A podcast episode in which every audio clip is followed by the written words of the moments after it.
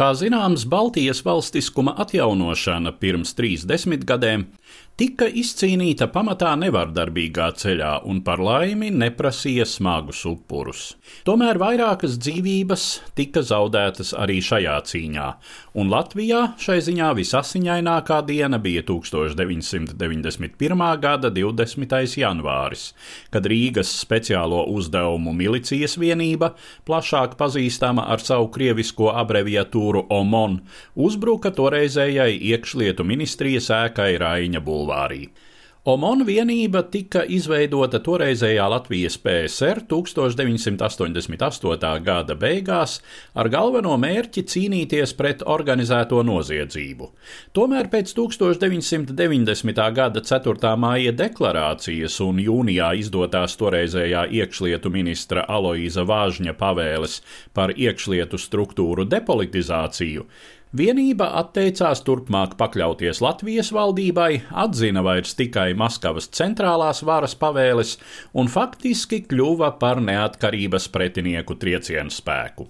1991. gada sākumā omonieši ieņēma preses namu, pārtraucot neatkarību atbalstošo izdevumu iznākšanu.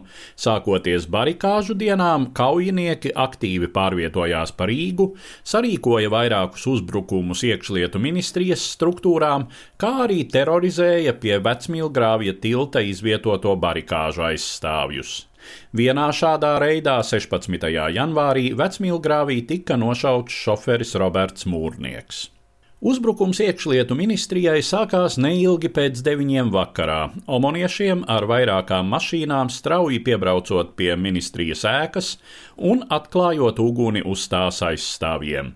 Vienlaicīgi ministriju sāka apšaudīt arī viņu līdzbiedri, kas jau iepriekš bija ieņēmuši pozīcijas namā otrpus ielai un kanālmalas apstādījumos.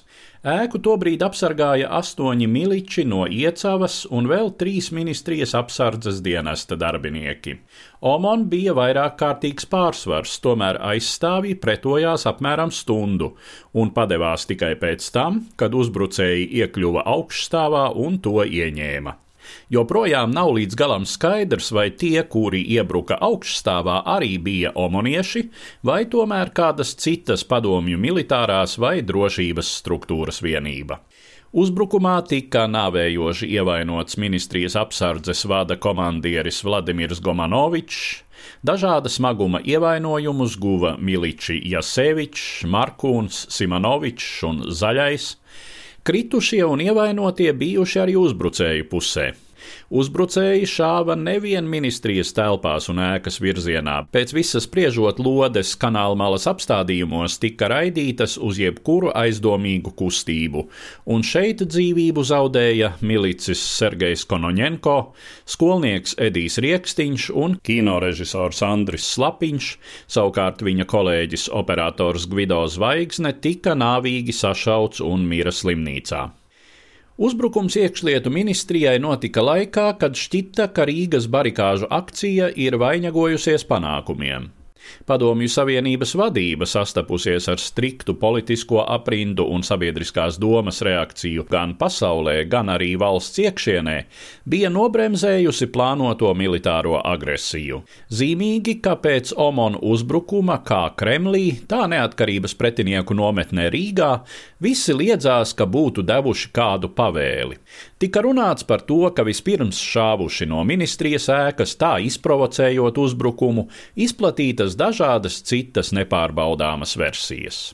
Tomēr uzbrukums acīm redzami bija iepriekš plānots, un tā mērķis visticamāk bija izprovocēt plašāku sadursmi. Ja ministrijas ēkas aizstāvjiem palīgā dotos lielāki Latvijas iekšlietu struktūru spēki vai kādi brīvprātīgie no vecrīgas barikādēm, tas būtu iemesls iedarbināt tobrīd Latvijā dislocēto padomju militāro mašīnu. Stāstīja Eduards Liniņš.